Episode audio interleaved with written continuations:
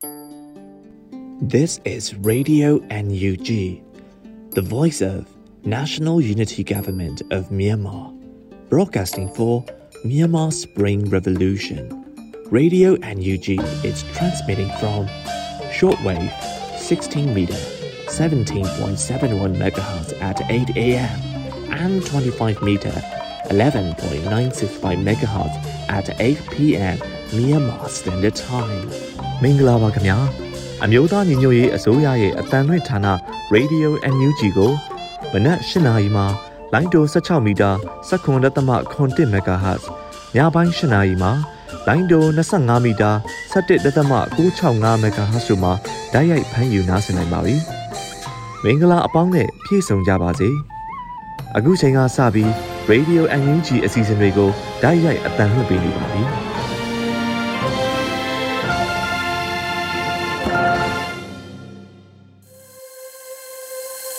Radio NUG ကိုနားတော်တာဆင်နေတဲ့ပရိသတ်များမင်္ဂလာနေ့လည်ခင်းပါရှင်။ကျမတို့ရဲ့တိုးချက်ထုတ်လွှင့်မှုစီစဉ်ဖြစ်တဲ့နေ့လည်ခင်းစီစဉ်တွေကိုစတင်ထုတ်လွှင့်ပေးတော့မှာဖြစ်ပါတယ်။ဒီနေ့နေ့လည်ခင်းမှာတင်ဆက်ပေးဖို့ရှိနေတဲ့အကြောင်းအရာတွေကတော့ပြည်သူတွေစိတ်ဝင်စားစေမယ့်နောက်ဆုံးရသတင်းချင်းတွေ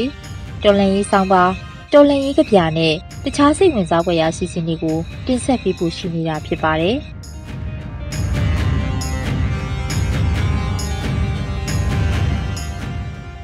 ဒီနေ့နေ့လည်ခင်းရဲ့ပထမဆုံးစီစဉ်နေနဲ့နေ့လည်ခင်းသတင်းတွေကိုတော့ຫນွေဦးမောင်မှဖတ်ကြားတင်ပြပေးမှာဖြစ်ပါတယ်။ယခုတင်ဆက်ပေးမှာကတော့ဒီဇင်ဘာ10ရက်နေ့ရပြည်တွင်းသတင်းများပဲဖြစ်ပါတယ်။ဒီဇင်ဘာ10ရက်နေ့အတန်တိတ်တပိတ်တိုက်ပွဲမှာပါဝင်သူပြည်သူအားလုံးကို NUG အစိုးရကကျေးဇူးတင်ကြောင်းပြောကြားခဲ့ကြပါတယ်။တကဘာလုံးဆိုင်ရာလူအခွင့်အရေးနေ့အဖြစ်ကြားရောက်တဲ့ဒီဇင်ဘာ10ရက်နေ့ကိုအတန်တိတ်တပိတ်လောက်ကြဖို့လှုံ့ဆော်မှုများပေါ်ထွက်လာပြီးနောက် အာနာသိန်းစစ်တပ်ဆန့်ကျင်တဲ့ပြည်သူတွေဟာလမ်းမထွက်ဆိုင်မဖွင့်မဲတိတ်ဆိတ်စွာအိမ်မာနေခြင်းဖြင့်ခြောက်ကပ်နေတဲ့လမ်းမကြီးတွေကိုပုံဖော်နိုင်ခဲ့ကြပါတယ်။အဆိုပါ Silent Strike တိတ်ဆိတ်စွာဆန္ဒပြပွဲကြောင့်မြန်မာနိုင်ငံမြို့ကြီးများအားလုံးရဲ့လမ်းမတွေမှာလူသူလေးပါမရှိတော့ဘဲစိတ်ငြိမ်သွားခဲ့ပါတယ်။ဒါကိုကမ္ဘာသတင်းမီဒီယာတွေကလည်းအရေးတယူဖော်ပြခဲ့ကြတာပါ။ပြည်ပဆိုင်ရာလူအခွင့်အရေးနေ့မှာမြန်မာပြည်မှာစိတ်သုံးနေတဲ့လူအခွင့်အရေးပြန်လည်ရရှိစေဖို့အတွက် ပြည်သူလူထုက Silent Strike မှာပါဝင်ပေးခဲ့တဲ့အတွက်ကျေးဇူးတင်ဂုဏ်ပြုပါတယ်လို့ NUG အစိုးရတာဝန်ရှိသူများကပြောကြားခဲ့ပါတယ်။နိုင်ငံခြားရေးဝန်ကြီးဒေါ်စင်မာအောင်ကဒီနေ့ကျမတို့ Silent Strike မှာတခဲနဲ့ပူးပေါင်းပါဝင်လာကြတဲ့မြန်မာနိုင်ငံအနှံ့အလျားကပြည်သူတွေကိုကျေးဇူးတင်ကြောင်းပြောကြားလိုပါတယ်။ပြည်သူလူထုရဲ့ပူးပေါင်းပါဝင်မှုကိုတနေကုန်စောင့်ကြည့်ခံစားရတဲ့အခါမှာကျေးဇူးမတင်ဘဲမနေနိုင်အောင်ဖြစ်ရပါတယ်။ ဒါကြောင့်ကျမတို့တဦးချင်းတယောက်ချင်းစီတိုင်းကိုကျေးဇူးတင်ကြောင်းဂုဏ်ယူကြောင်းကိုပြောကြားလိုပါတယ်။အခုလိုညီညွတ်မှုကနိုင်ငံတကာကိုရောကမ္ဘာကိုရောကျမတို့ပြည်သူလူထုကဒီမိုကရေစီလူ့အခွင့်အရေးတွေနဲ့ဘလောက်ထိုက်တန်ကြောင်းပြသလိုက်တာလည်းဖြစ်ပါတယ်။တစ်ဖက်မှာလည်းအာနာသိန်းစစ်ကောင်စီဟာဆယ်လကျော်တဲ့အထိပြည်သူလူထုရဲ့အာခံမှုတွန်းလှန်မှုတွေကိုရင်ဆိုင်နေရပြီးလုံးဝအုပ်ချုပ်ခွင့်မရစေရဆိုတဲ့ message သတင်းစကားကိုထပ်မံပေးအပ်လိုက်တာပဲဖြစ်ပါတယ်။ ဒီ Silent Strike မှာပူးပေါင်းပါဝင်ခဲ့တဲ့ပြည်သူလူထုတဦးချင်းတယောက်ချင်းစီတိုင်းကိုကျေးဇူးအများကြီးတင်ပါတယ်။အောင်ပွဲကိုရောက်ဖို့ခြေလမ်းပေါင်းများစွာတဲ့ကခြေလမ်းတရက်လို့ရှုမြင်မိပါကြောင်းပြောကြားလိုပါတယ်လို့လူမှုကွန်ရက်မှာတဆင့်ပြည်သူကိုကျေးဇူးတင်ခဲ့ပါတယ်။ထို့အတူလူအခွင့်အရေးဝန်ကြီးဦးအောင်မျိုးမင်းကလည်းမနက်10:00နာရီကနေညနေ4:00နာရီအထိတိတ်ဆိတ်တပိတ်စိတ်ငြိမ်တပိတ်စတဲ့တပိတ်အခမ်းကဏ္ဍမှာအသီးသီးပါဝင်ကြတဲ့ပြည်သူများကိုလေးစားဂုဏ်ပြုပါတယ်။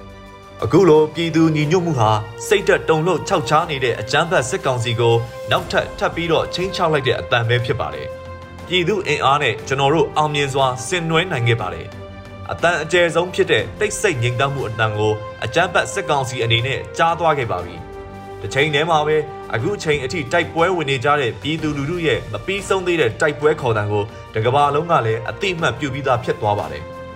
အခုလိုညီညွတ်မှုနဲ့အတူစစ်အာဏာရှင်မပြုတ်ဝင်ခြင်းဆက်လက်ဆောင်ရွက်သွားကြမယ့်ဤပေါင်းစုံနဲ့စန့်ကျင်မှုတွေဒေါ်လာမှုတွေမှာလည်းဆက်လက်ပါဝင်ပေးကြပါလို့တိုက်တွန်းလိုပါတယ်အားလုံးကိုကျေးဇူးတင်ပါတယ်လို့ပြောကြားသွားခဲ့ပါတယ်ခင်ဗျာဇလပီစစ်ကောင်စီတပ်ရဲ့လှုပ်ရှားမှုများကြောင့်အချိန်မရွေးတိုက်ပွဲဖြစ်ပွားလာနိုင်တာကိုပြည်သူများစစ်ရေးသတိရှိကြဖို့ ULA AA ကထုတ်ပြန်လိုက်ပါတယ်။ လက်တလုံးမှာစစ်ကောင်စီတပ်မှနယ်မြေစိုးမိုးရေးအကြောင်းပြချက်ဖြင့်ကျေးရွာများအတွင်စစ်ရေးလှုပ်ရှားမှုစိတ်လာခြင်းတပ်အပြောင်းရွှေ့များဇက်တိုက်လှုပ်ဆောင်နေခြင်းကိုရခိုင်တပ်မတော်အနေဖြင့်စောင့်ကြည့်လျက်ရှိရာမှာနှစ်ဖက်တိုက်ပွဲများအချိန်မရွေးဖြစ်လာနိုင်တဲ့အခြေအနေရှိလာပါတယ်။ထို့ကြောင့်ပြည်သူများသတိရှိကြရန်ဒီဇင်ဘာ10ရက်နေ့တွင် ULA မှထုတ်ပြန်လိုက်ပါတယ်။ထိုအသိပေးထုတ်ပြန်ချက်မှာရေးသားထားတာကတော့ပေါက်တော်မြို့နယ်တွင်ကရွှေစံတော်ဖျားပွဲအား ကိုရိုနာဗိုင်းရပ်စ်ကြောင့်ကျင်းပနိုင်ခြင်းမရှိဘဲယခုနှစ်မှသာကျင်းပရန်ပြင်ဆင်နေကြခြင်းဖြစ်ပါတယ်။စစ်ကောင်စီစစ်တပ်များဟာအဆိုပါဖျားပွဲအကြောင်းပြချက်ဖြင့်လမ်းပြူပြင်ခြင်းအကြောင်းပြချက်ဖြင့်ဝင်ရောက်ချဲလဲလှုပ်ရှားလျက်ရှိကြောင်းထို့သို့ဝင်ရောက်လှုပ်ရှားမှုကြောင့်ဒေသခံပြည်သူများစိတ်အနှောက်အယှက်ဖြစ်နေရကြောင်းပါရှိပါတယ်။တစ်ဖက်မှာလည်းအာနာသိန်းစစ်တပ်ဟာအကြောင်းပြချက်အမျိုးမျိုးပေးကတရွာဝင်တရွာထွက်ဖြစ်နယ်မြေစိုးမိုးရေးများတက်ပြောင်းရွှေ့ရေးများကိုဇက်တိုက်လှုပ်ဆောင်လျက်ရှိနေပါတယ်။ဘုံကြီးကျောင်းများတွင်ညအိတ်ချင်း ဒေသခံပြည်သူတို့ရဲ့အခြေခံစားတောက်ကုန်များဂုံသွယ်ကူးတန်းရေးကိုအဟန့်အတားဖြစ်စေခြင်းကြောင့်မိမိတို့တပ်နဲ့စစ်ကောင်စီတပ်ကြားနှစ်ဖက်တင်းမာမှုမြင့်မားလျက်ရှိနေပါတယ်။ထို့သောအချိန်မရွေးတိုက်ပွဲဖြစ်နိုင်တဲ့အခြေအနေကို ULA AA အနေနဲ့အထူးသတိထားစောင့်ကြည့်လျက်ရှိတယ်လို့ထည့်သွင်းရေးသားထားပါတယ်။စစ်ကောင်စီတပ်သည်ဒေသခံတို့၏ဇန်တော်ရှင်ဖျားပွဲတော်ကျင်းပရေးကိုဝင်ရောက်ချဲလွယ်ဆွတ်ဖက်ခြင်းများပြုလုပ်နေပါတယ်။ ရခိုင်ပြည်သူများအနေနဲ့ဖျားပွဲတော်လာရောက်မဲ့ကိစ္စကိုပြန်လည်သုံးသပ်ဆင်ခြင်ကြရန်လေးစားစွာအကြံပြုပါတယ်။စစ်ရေးလုံခြုံရေးတတိရှိကြဖို့အနေနဲ့ယခုကြေညာချက်အားထုတ်ပြန်လိုက်ကြောင်းရခိုင်တပ်မတော် ULAAA ရဲ့ဒီဇင်ဘာလ10ရက်နေ့ထုတ်ပြန်ချက်မှာပါရှိကြောင်းပါခင်ဗျာ။ယခုဆက်လက်ပြီးနောက်ဆုံးသတင်းအနေနဲ့အတန်တိတ်တပိတ်ကိုဆင်နွှဲခဲ့ရမှစိုင်ပြန်ဖွင့်သူများကိုအကြမ်းဖက်စစ်တပ်ကတားမြစ်နှောက်ယှက်လျက်ရှိနေပါတယ်။ နိုင်ငံလုံးအနှံ့ပါဝင်ဆင်နွှဲခဲ့တဲ့စစ်အာဏာရှင်စန့်ကျင်ရေးအတန်တိတ်တပိတ်ကြောင့်လူများလမ်းမထွက်ဆိုင်များမဖွင့်ပဲဒီဇင်ဘာ10ရက်နေ့ဟာညနေ4နာရီအထိ၆ကတ်နေခဲ့ပါတယ်။ဒေါ်ဖြစ်စဉ်ကြောင့်ဒဲနန်တွင်ညနေ4နာရီကျော်မှဆိုင်ဖွင့်သူများဆိုင်မဖွင့်နိုင်ရန်စစ်တပ်ကလမ်းပိတ်ဆို့တားဆီးတာတွေလုပ်နေပါတယ်။ကဘာလုံးဆိုင်ရာလူအခွင့်အရေးနေ့အဖြစ်မနက်10နာရီမှညနေ4နာရီအထိပြည်သူတွေကလမ်းမထွက်ပဲတိတ်ဆိတ်စွာအိမ်ထဲနေခဲ့ကြတာပါ။၄နာရီထိုးသည့်အချိန်မှာလဲတပိတ်အောင်မြင်သည့်ဂုံပြူခြင်းဖြင့် လက်ခုပ်ပြိုင်တူတီးခြင်းများကိုလည်းပြုလုပ်ခဲ့ကြကြောင်းရုပ်သံမှတ်တမ်းများကဖော်ပြနေကြပါတယ်။ထို့သောဆန္ဒပြရာပါဝင်မှုကြောင့်ကမာရွတ်မြို့နယ်တွင်ညနေ၄နာရီကျော်မှစတင်ပြီးစိုင်ပြန်ဖွင့်သူများကိုလမ်းများပိတ်ဆို့ခြင်းဖွင့်သားသည့်ဆိုင်များကိုပြန်လည်ပိတ်ခိုင်းခြင်းများအပြင်လမ်းပေါ်ပြန်ထွက်အလုပ်လုပ်ကင်ကြသူအခြေခံလူရန်စားများကိုကိုထိလက်ရောက်ကျူးလွန်ခြင်းတွေလှုပ်ဆောင်နေကြကြောင်းဒေသခံတို့ကပြောပါတယ်။ရဲကားတွေစစ်ကားတွေနဲ့ရောက်လာပြီးဖွင့်တဲ့ဆိုင်တွေပြန်ပိတ်ခိုင်းတယ်။ ကားလမ်းလည်းပိတ်ထားတယ်။ဘာဖြစ်ချင်မှန်းမသိဘူးအခုတက်ထိတော့တနာရီကြော်နေပြီးမသွားကြသေးဘူးဟုလဲရန်တွင်နေထိုင်သူပြည်သူတို့ကပြောပါတယ်။တာကေတာမြို့နယ်6ရက်ကွက်တွင်ညနေ4နာရီကျော်မှစိုက်ကားထွက်သူစိုက်ကားသမား3ဦးကိုစစ်တပ်ကကားရ၍စင်ပါရိုက်သွားကြောင်းစိုက်ကားသမား2ဦးကပြောပါတယ်။ဘာလို့ညနေမှထွက်လဲဆိုပြီးမေးတယ်။နေပူနေလို့ပါပြောတော့အခုလဲပူသေးတယ်။စိုက်ကားပြန်သိမ်းဆိုပြီးပါရိုက်သွားတယ်ဟုစိုက်ကားသမား2ဦးကပြောဆိုပါတယ်။ ရန်ကုန်မြို့နယ်တမိုင်းမူရီတာအိမ်ယာရှိတွင်လည်းညနေ၄နာရီကျော်စိုင်ဖွင့်လက်သူများကိုမောင်းထုတ်နေကြကြောင်းပြည်သူများကပြောပါတယ်။တမိုင်းမူရီတာရှိမှာညနေ၄နာရီကျော်မှထွက်တဲ့လမ်းဘေးဈေးတယ်တွေကိုခွေးတွေလာပြီးမောင်းထုတ်နေတယ်။မနက်ကလေးကမဖွင့်ပဲအခုမှဘာလို့ဖွင့်တာလဲမမြင်ချင်ဘူးဆိုပြီးတော့အော်ဟစ်ဆဲဆိုနေတယ်လို့တမိုင်းတက်ရက်ကွက်နေသူတူကပြောပါတယ်။ထို့အတူပဲမန္တလေးတိုင်းချမ်းမြသာစီမြို့နယ်တွင်လည်းညနေ၄နာရီကျော်မှဆိုင်ဖွင့်သူများကိုစစ်တပ်ကဝင်ရောက်စစ်ဆေးမှုတွေလှုပ်ဆောင်လျက်ရှိပါတယ်။ ဒီနေ့ညနေ9နာရီခွဲလောက်မှာမန္တလေးမြို့ချမ်းမြသာစီမြို့နယ်မှာပြန်ဖွင့်တဲ့ဆိုင်တွေစစ်တပ်ကလိုက်စစ်နေတယ်။မနက်ဘာလို့မဖွင့်တာလဲပေါ့။ပြန်ပိတ်ခိုင်းတယ်ဟုဒေသခံတအူးကပြောပါတယ်။ပဲခူးတိုင်းဒိုင်ဦးမြို့နယ်မှာတော့ကိုဗစ်ရောဂါကြောင့်ဈေးကိုဒီဇင်ဘာလ17ရက်နေ့မှဒီဇင်ဘာလ15ရက်နေ့အထိ9ရက်ပိတ်ပြီးဖြစ်ကြောင်းစစ်ကောင်စီလက်အောက်ခံဈေးစီပင်သားရေးအဖွဲ့ကတားမြစ်လိုက်ပါတယ်။ဈေးသူဈေးသားတွေကဒီမနက်ဆိုင်မဖွင့်ကြဘူးလေ။အဲ့ဒါကိုပြန်ပြီးလက်စားချေတာ ညနေ၄နာရီမှဈေး9ရက်ပိတ်တယ်ဆိုပြီးစာထွက်လာတာလက်စားချေတာပေါ့စစ်ခွေးတွေဟုဒိုင်ဦးဈေးဆိုင်ပိုင်ရှင်တဦးကပြောပြပါတယ်တပ်ပါဖြစ်စဉ်များနီးတူစစ်ကောင်စီလက်အောက်ခံများသည်ပြည်သူတွေအပေါ်အညိုးတကြီးဖြင့်နှောက်ယှက်ရန်ကားခြင်းလူအခွင့်အရေးချိုးဖောက်ခြင်းများကိုနေရအနှံ့ဇက်တိုက်ကျူးလွန်လျက်ရှိကြောင်းကြားသိရပါတယ်ခင်ဗျာယခုတင်ဆက်ပေးခဲ့တာကတော့ဒီဇင်ဘာ10ရက်နေ့ရပြည်တွင်သတင်းများပဲဖြစ်ပါတယ်ကျွန်တော်ကတော့ຫນွေဦးမောင်ပါ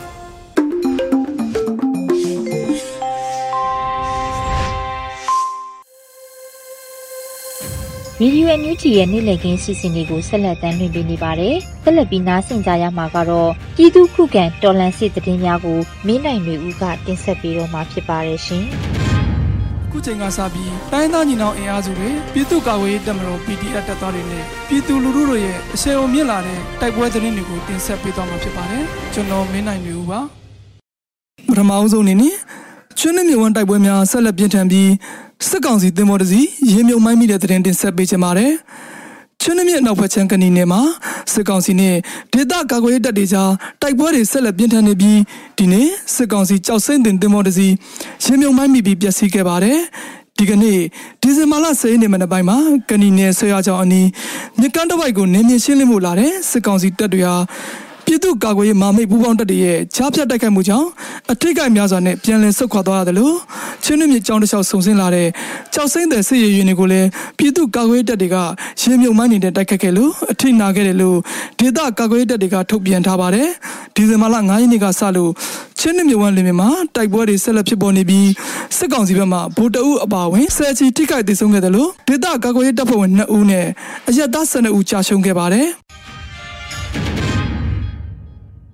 ဆက်လက်ပြီးစိုင်မီမြို့နယ်ရဲစခန်းနဲ့ လုံခြုံရေးရဲကင်းစခန်းတို့ကို PDF ကတိုက်ခိုက်တဲ့တဲ့ရင်ကိုတင်ဆက်ချင်ပါတယ်။စကိုင်းတိုင်းတပင်းမြို့နယ်စိုင်ပြင်မြို့နယ်ရဲစခန်းနဲ့ရဲကင်းစခန်းကိုမနေ့ကဒီဇင်ဘာလ9ရက်နေ့ညနေ9:50မိနစ်ကဂလုံတက်တော် PDF တပ်ဖွဲ့ကလက်ပစ်ပုံဖြင့်ပစ်ခတ်တိုက်ခိုက်ခဲ့ပြီးရဲတပ်ဖွဲ့ဝင်များထိခိုက်ဒေဆုံးမှုရှိကြောင်းအဆိုပါအဖွဲ့ထံမှသိရပါတယ်။ရင်တိုက်ခိုက်မှုဖြစ်စဉ်တွင်လက်မစ်ရှိကင်းဆောင်ရဲသားလေးဦးကိုလက်ပစ်ပုံသုံးလုံးဖြင့်ပစ်ခတ်တိုက်ခိုက်ခဲ့ပြီးရဲတပ်သား2ဦးသာပြန်လည်ပစ်ခတ်နိုင်ခဲ့ပြီးစကန်တွင်ကထက်လာသည့်ရဲတပ်သား6ဦးရဲကင်းသို့ထပ်မံရောက်ရှိလာကပြန်လည်ခုခံပစ်ခတ်နေစဉ်လက်ပစ်ပုံနှလုံးဖြင့်ထပ်မံတိုက်ခိုက်ခဲ့ပြီးရဲတပ်သား2ဦးသာပြန်လည်ပစ်ခတ်နိုင်တော့ကြောင်းဂလုံတပ်တော် PDF တပ်ဖွဲ့ကထုတ်ပြန်ချက်တွင်ဖော်ပြထားပါတယ်အဆိုပါတိုက်ခိုက်မှုကိုဂလုံတပ်တော် PDF တပ်ဖွဲ့ကစစ်ကမ်းမှုဆရာအောက်ချင်းဦးဆောင်တဲ့တပ်ဖွဲ့ဝင်9ဦးတို့ကပစ်ခတ်တိုက်ခိုက်ခဲ့ခြင်းဖြစ်ကြောင်းသိရပါတယ် နောက်ဆုံးအနေနဲ့အမျိုးသားညီညွတ်ရေးအစိုးရပြည်ထောင်စုလူဝင်မှုကြီးကြပ်ရေးဝန်ကြီးဌာနကဒီဇင်ဘာလ10ရက်နေ့ရက်စွဲဖြင့်ထုတ်ပြန်တဲ့ပြည်သူ့ခုခံတော်လှန်စစ်တရင်အချက်လက်တွေကိုတင်ဆက်ပေးသွားမှာပါအာနာသိန်းအကြမ်းဖက်စစ်အုပ်စု၏ပြည်သူလူထုအပေါ်အကြမ်းဖက်ဖိနှိပ်ဖန်ဆီးတိုက်ခိုက်တပ်ဖြတ်နေမှုများကို ပြည်သူလူထုတရားလုံးကအသက်ရှင်သန်ရေးအတွက်မိမိကိုယ်ကိုမိမိခုခံကာကွယ်ပိုင်ခွင့်အရာပြည်သူခုခံစဉ် People Defense War ကိုဆင်နွှဲလျက်ရှိပါတယ်။တရင်ချက်လက်များအရ9ရက်12လ2021ရက်နေ့တွင်စစ်ကောင်စီတပ်ဖွဲ့ဝင်80ဦးသေဆုံးပြီးထိခိုက်ဒဏ်ရာရရှိသူ35ဦးထိခုခံတိုက်ခိုက်နိုင်ခဲ့ပါတယ်။အာဏာရှင်စနစ်မြမအမျိုးပေါ်မှအပြည့်တိုင်ချုပ်ငြိမ်းရေးနှင့် Federal Democracy တည်ဆောက်ရေးအတွက်ငြိမ်းချမ်းစွာဆန္ဒပြသည့်လူထုတပိတ်တိုက်ပွဲများကပြည်내နှင့်တိုင်းဒေသကြီးများမှာဖြစ်ပွားပေါ်ပေါက်လျက်ရှိပါတယ်။မြေပြင်မှာယခုတွေ့ရှိရတဲ့သတင်းအချက်အလက်များထက်ပို၍ဖြစ်ပွားနိုင်ပါတယ်ခင်ဗျာ။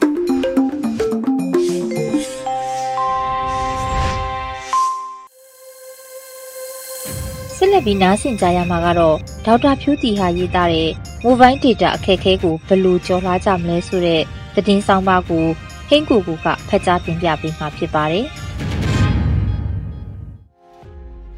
Mobile Data အခက်အခဲကိုဘယ်လိုကျော်လွှားကြမလဲ။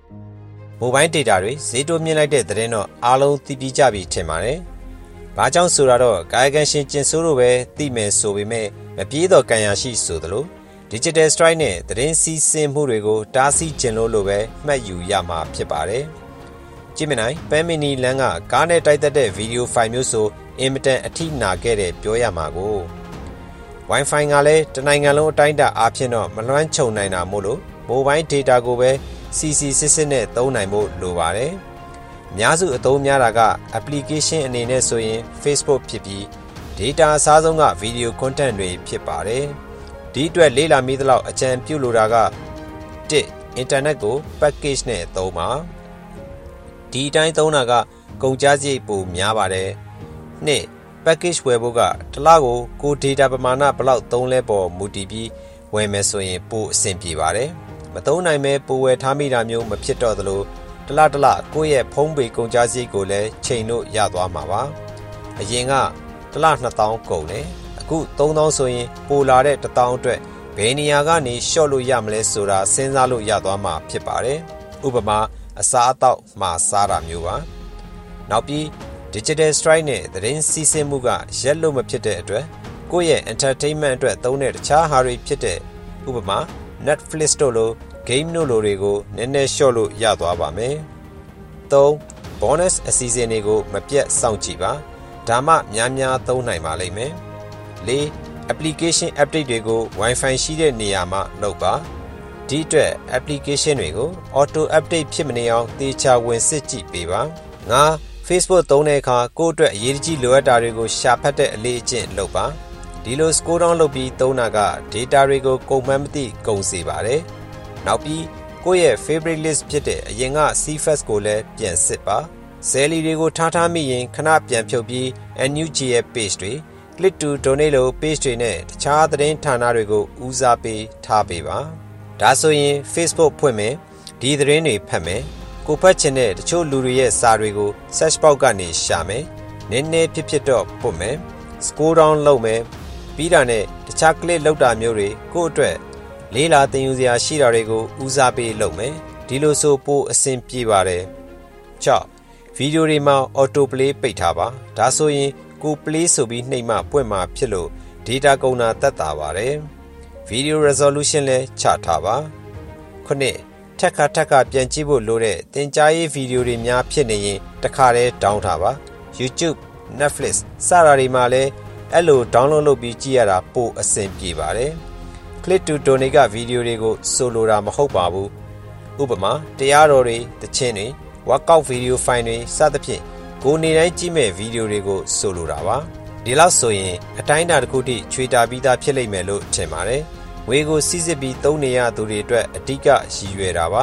စင်ရချမ်းသာကွာခြားတတ်ကြတာမို့လို့ဘလို့ဈေးတက်တက်သိမသိတာဘူးဆိုတဲ့သူတွေက Digital Strike မှာများများပါဝင်ပေးပါ Wi-Fi သုံးတဲ့သူတွေနဲ့နိုင်ငံခြားကလူတွေကိုပါဆိုလိုပါတယ်ဒီတော်လန်ရေးကာလတစ်လျှောက်မှာအကျက်အတဲအခက်ခဲပေါင်းများစွာကြော်ဖြတ်ခဲ့ကြရပါတယ်ငွေသားရှားပါတဲ့ပြဿနာတွေကြုံခဲ့ရပြီးပါပြီကိုဗစ်ကြောင့်လည်းအသက်တွေဆုံးရှုံးခဲ့ရပြီးပါပြီဒါပေမဲ့လည်းပြည်သူတွေဟာအင်းနဲ့အားနဲ့မမောနိုင်မပန်းနိုင်တော်လှန်နေကြဆဲဖြစ်ပါတယ်မိုဘိုင်းဒေတာဈေးတွေမြင့်လိုက်ရုံနဲ့သာတော်လှန်ရေးအားနည်းသွားရမယ်ဆိုရင် ဒီလောက်ထိတောင်ခရီးရောက်လာခဲ့မယ်မဟုတ်ပါဘူးစစ်ဖက်နှက်အောက်ကရုံထွက်ခြင်းနဲ့ကျွန်တော်တို့ပြည်သူတွေရဲ့ဆန္ဒကိုဘယ်အရာကမှတားဆီးလို့ရနိုင်တော့မှာမဟုတ်လို့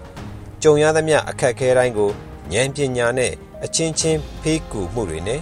သူလွတ်သွားတဲ့နေရာကိုဖြစ်ကိုလွတ်သွားတဲ့နေရာသူဖြစ်ပေးပြီးစီးလုံးမှုအပြည့်နဲ့ကြော်ဖြတ်ကြရအောင်ပါဒေါက်တာဖြိုးတီဟ9ရက်ဒီဇင်ဘာ2021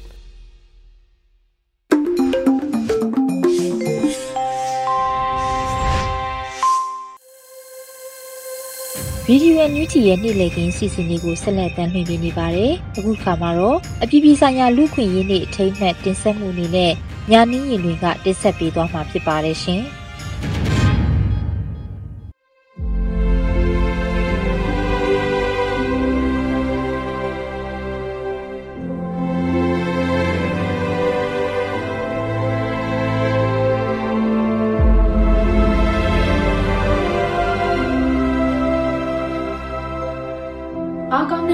တရားစီရင်ရေးမှန်နိုင်ဆိုတာနိုင်ငံတနိုင်ငံတည်ဆောက်ရေးအတွက်မရှိမဖြစ်လိုအပ်တဲ့အခြေခံထောက်တိုင်တစ်ခုပါလွတ်လပ်တဲ့တရားစီရင်ရေးမှန်တိုင်းနဲ့ထက်မြက်တဲ့တရားစီရင်မှုတွေရှိနေမှနိုင်ငံတွင်းကပြည်သူတွေအတွက်ဥပဒေတွေရဲ့အကာအကွယ်စောင့်ရှောက်တွေနဲ့ကိုရောစိတ်ပါအေးချမ်းလုံခြုံမှုကိုခံစားရမှာဖြစ်ပါတယ်။ညာလင်းတို့နိုင်ငံမှာတော့ပြည်သူတွေငြိမ်ဝှက်ပြပြနေရေးကိုသာအာရုံစိုက်ပြီးတော့ဒီထုတ်ပြန်ခဲ့တဲ့စစ်အာဏာရှင်အဆက်ဆက်ရဲ့ဥပဒေကဲ့သို့အာဏာတည်သောအမိန့်ကြီး ဒီဥပဒေရဲ့အထက်မှာအစုအဖွဲ့တစ်ခုလုံးတက်ထိုင်ပြီးတော့ထင်ရဆိုင်ရိုင်းခဲ့တဲ့အဖြစ်အပျက်တွေရှိခဲ့တာကြောင့်တရားစီရင်ရေးမှန်တိုင်းဟာချိနဲ့ယွညွှန်းနေခဲ့တာကြပါပြီ။ငွေများတရားနိုင် number 1 is above the law ဒီစတဲ့စကားတွေဟာမြန်မာနိုင်ငံတရားစီရင်ရေးမှန်တိုင်းရဲ့ချိနဲ့ယွညွှန်းနေမှုအနေအထားကိုအထင်ရှားဖော်ပြနေတဲ့စကားတွေပါ။အစကတည်းကမှချိနဲ့ယွညွှန်းနေတဲ့တရားစီရင်ရေးမှန်တိုင်းကို ပြည်သူနဲ့ပြည်သူအစိုးရတို့တက်ညီလက်ညီပြန်လည်ပြုပြင်မှုစ조사နေတဲ့အချိန်မှာပဲ February 1ရက်နေ့မှာမင်းအောင်နိုင်တဲ့အပေါင်းပါတစုတို့ကပြည်သူအာဏာကိုလက်နက်ပြချင်းချောက်ပြီးမတရားသိမ်းပိုက်ခဲ့တာကြောင့်ညာမင်းတို့နိုင်ငံရဲ့တရားရေးမှန်တယ်ချိနေတဲ့အဆင့်မဟုတ်တော့ဘဲနဲ့လုံးဝပျက်စီးပြိုလဲသွားတဲ့အခြေအနေရောက်ခဲ့တင်မြင့်ဆောင်2021ကို a coup d'etat in Myanmar. President Biden's pledge to defend democracy and detaining civilian officials including their ဖိုင်လာသိမ်းပြီးချိန်ကစလို့နိုဝင်ဘာလကုန်အထိဒီအကြမ်းဖက်စစ်ကောင်စီကနီလန်ပေါင်းစုံနဲ့တပ်ဖြတ်ခဲ့တဲ့လူဦးရေဟာ1300နီးပါးရှိခဲ့ပြီဖြစ်တယ်လို့မတရားဖမ်းဆီးထိန်းသိမ်းခံခဲ့ရသူဟာလည်းလူဦးရေပေါင်း1500ကျော်ရှိနေပြီဖြစ်ပါတယ်။အဲ့ဒီတည်းကမှလူဦးရေ342ဦးဟာ လွတ်လပ်တဲ့တရားစီရင်ရေးစနစ်တစ်ခုမှာလူတိုင်းရပိုင်ခွင့်ရှိတဲ့ဒီတရားရေးဆိုင်ရာအခွင့်အရေးတွေကိုတစ်ခုမှမရရှိဘဲနဲ့နှိမ့်ရှေထောင်နှံပြီးတေတံတွေကိုချမှတ်ခံထားကြရတာဖြစ်ပါတယ်။ညာနင်းတို့နိုင်ငံမှာတော့အကြမ်းဖက်စစ်တပ်အာဏာသိမ်းလိုက်တဲ့အချိန်ကစလို့တိကျခိုင်လုံကောင်းမွန်သောတရားရေးစနစ်တွေဟာလုံးဝကိုကင်းမဲ့ပြတ်သုံးသွားခဲ့ရပါငြိမ်းချမ်းစွာဆန္ဒထုတ်ဖော်ခွင့်ဆိုတာဟာ လူတိုင်းရဲ့အခြေခံလူအခွင့်အရေးတစ်ရပ်ပဲဖြစ်ပါတယ်။ဒါကိုအကြမ်းဖက်နှိမ်နင်းတာရာဇဝတ်မှုအဖြစ်သတ်မှတ်ပြီးအပြစ်ပေးစီရင်တာကမြန်မာနိုင်ငံရဲ့တရားစီရင်ရေးမှန်တိုင်ဟာလွဲမှားနေတယ်ဆိုတာကိုပြသနေတာပါ။မတရားဖမ်းဆီးခံထားရတဲ့ပြည်သူ1500ကျော်ဟာမြန်မာနိုင်ငံတရားရေးမှန်တိုင်ပြည့်ရင်းနေမှုရဲ့တက်တည်ပဲဖြစ်ပါတယ်။ဘသူမဆိုတိကျခိုင်လုံတဲ့အကြောင်းတရားနဲ့အပြစ်ဒဏ်စီရင်မှုမခံရမချင်းအပြစ်မရှိတဲ့သူတယောက်လို့သတ်မှတ်ရပါမယ်။ တန်တရားနဲ့ဖြစ်စေမခိုင်လုံတဲ့အချက်များနဲ့ဖြစ်စေဆွဆွဲပြီးတော့ဒီတရက်ခံတယောက်လိုမျိုးအမိန့်ချလို့မရပါဘူး။စီရင်လို့လည်းမရပါဘူး။ဒါဟာတရားရေးဆိုင်ရာအခွင့်အရေးတရက်ပါ။ခိုင်လုံတဲ့တက်တဲ့အထောက်ထားမရှိဘဲနဲ့လိုသလိုဇလန်းဆင်ထားတဲ့ဆွဆွဲချက်တွေနဲ့တော်လန်ရေးသူရဲကောင်းတွေဟာရာဇဝတ်မှုတွေနဲ့မတရားစီရင်ခြင်းကိုခံနေရ အမှုကိုကြားနာတဲ့နေရာမှာဆိုရင်လည်းတခြားတရားရေးဆိုင်ရာအခွင့်အရေးတွေဖြစ်တဲ့ရှင်းနေရရှိပိုင်ခွင့်အယူခံဝင်ပိုင်ခွင့်နောက်အာမခံပေးနိုင်တဲ့ကိစ္စတွေမှာဆိုရင်လည်းအာမခံရပိုင်ခွင့်နောက်မိမိအပြစ်မရှိကြောင်းခုခံပိုင်ခွင့်စတဲ့ရရှိနိုင်တဲ့အခွင့်အရေးတွေကိုလည်းရသင့်လောက်မရတာကိုတွေ့ရပါတယ်။တာဝန်သိရှိနေတဲ့ဥပဒေဘတ်တော်သားတွေကဒီရနိုင်တဲ့နည်းနဲ့ကြိုးပမ်းအားထုတ်နေကြပေမဲ့တရားရေးဆိုင်ရာအခွင့်အရေးတွေကိုလူတိုင်းရနိုင်မှုခက်ခဲနေစေပါ ကလေးသူငယ်တွေပါတဲ့အမှုမျိုးကလွယ်လို့ရှိရင်ကြံတဲ့အမှုတွေကိုလူအများကြားနာနိုင်တဲ့တရားရုံးမှာစီရင်တာ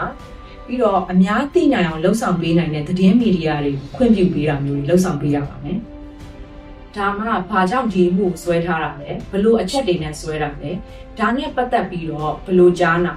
ချမှတ်တဲ့စီရင်ချက်ကရောတမာတမတ်ကြရလားဆိုတော့အများအသိမြင်နိုင်မှာဖြစ်ပါတယ်။ဒါပေမဲ့လက်ရှိအချိန်မှာတော့မတရားဖန်ဆီးထိန်းသိမ်းခံထားရတဲ့ပြည်သူတွေက အခုလိုတရားရေးဆိုင်ရာအခွင့်အရေးတွေကိုလုံးဝမရရှိပါဘူးအကျဉ်းချုပ်ပြီးစီရင်လိုက်တဲ့ကိစ္စမျိုးတွေတချို့ကိစ္စတွေမှာဆိုရင်ရှင်းနေမပါဘဲနဲ့စီရင်လိုက်တာမျိုးတွေရှင်းနေတွေကအကျိုးဆောင်ကာကွယ်ပေးနေတာတော့မှတိကျခိုင်လုံမှန်ကန်တဲ့တင်ပြချက်တွေရှောက်နှဲချက်တွေခုခံခွင့်ဆိုတဲ့အရာတွေလုံးဝမရှိဘဲနဲ့ဖြစ်နေပါတယ်အဆိုးဆုံးကတော့တချို့အမှုတွေကိုစစ်ခုံရုံးမှာပဲမျက်ွယ်တရားစီရင်လိုက်တာမျိုးပါ တေတံစီရင်တဲ့အမှုမျိုးတွေကိုလည်းတိကျခိုင်လုံတဲ့အချက်လက်တွေမရှိဘဲနဲ့စီရင်လိုက်တာမျိုးတွေတွေ့ရှိရပါတယ်။ AABB ရဲ့စည်ရင်းအရနိုဝင်ဘာလကုန်အထိရက်ွယ်တည်တံချမှတ်ခြင်းခံထားသူလူဦးရေ39ဦးအပါအဝင်ရက်ွယ်ပြစ်ဒဏ်ချမှတ်ခြင်းခံထားသူလူဦးရေ118ဦးရှိပြီလို့သိရှိရပါတယ်။မြန်မာနိုင်ငံမှာ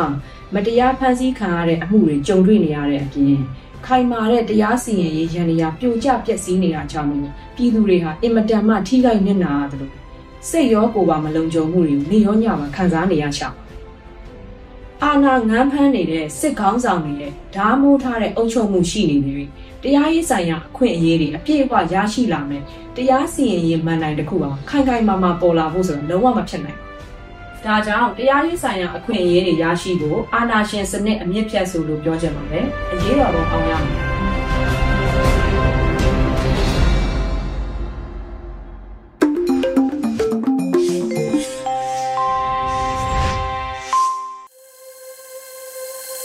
ဒီနေ့နေ့လည်ခင်းရဲ့နောက်ဆုံးအစီအစဉ်ကိုတော့ခိုင်မာကြော်စောရေးသားတဲ့ခြေထောက်ကလေးမင်းနေတယ်ဆိုတဲ့ကြပြားကိုမျိုးဦးမှုကဖတ်ကြားတင်ပြပေးထားပါတယ်ရှင်။ မင်္ဂလာပါခင်ဗျာ။ကြပြားဆရာခိုင်မာကြော်စောတည်ကုန်းထားတဲ့ခြေထောက်ကလေးမင်းနေတယ်ဆိုတဲ့ကြပြားကိုရုပ်ဖတ်သွားမှာဖြစ်ပါတယ်။ခြေထောက်ကလေးမင်းနေတယ်။အဲ့ဒီလူကြီးညာတယ်သမီးတို့ကိုကြောင်းတက်ပါလို့ပြောပြီးကြောင်းသွားခြင်းတဲ့သမီးချစ်တော်လေးကိုရရဆက်ဆက်ဖြတ်ယူသွားတယ်။အဲ့ဒီလူကြီးညာတယ်။အဲ့ဒီလူကြီးညာတယ်။ထမင်းလျှော့စား ထမင်းလျှော့စားနဲ့သမီးမေမေထမင်းလျှော့စားလဲသမီးအနာကမေမေကိုခေါ်ထုတ်သွားတယ်။အဲ့ဒီလူကြီးညာတယ်။အဲ့ဒီလူကြီးညာတယ်။ဖះရှိမှလက်အုပ်ချပြီးသမီးတို့အိမ်ကိုမီးရှို့သွားတယ်။အဲ့ဒီလူကြီးညာတယ်အဲ့ဒီလူကြီးညာတယ်ဒီမိုကရေစီလောက်တယ်ပြောပြီးဒီမိုကရေစီလောက်တဲ့ဥဥတော်တော်ကိုကိုမမတို့ကိုတနက်ကြီးနဲ့ပြက်ပြက်တတ်တယ် အဲ့ဒီလူကြီးညာတယ်သမီးခြေထောက်တွေနာတယ်နာနေတဲ့ခြေထောက်လေးတစ်ဖက်ကခြေထောက်လေးတစ်ဖက်ကိုရှာတယ်ခြေတော်လေးတစ်ဖက်ဘယ်ရောက်သွားလဲတဲ့နားတယ်နားတယ်နားတယ်အဲ့ဒီလူကြီးညာတယ်ခိုင်မာကြော်စောမိုးမခဒီဇင်ဘာ10 2021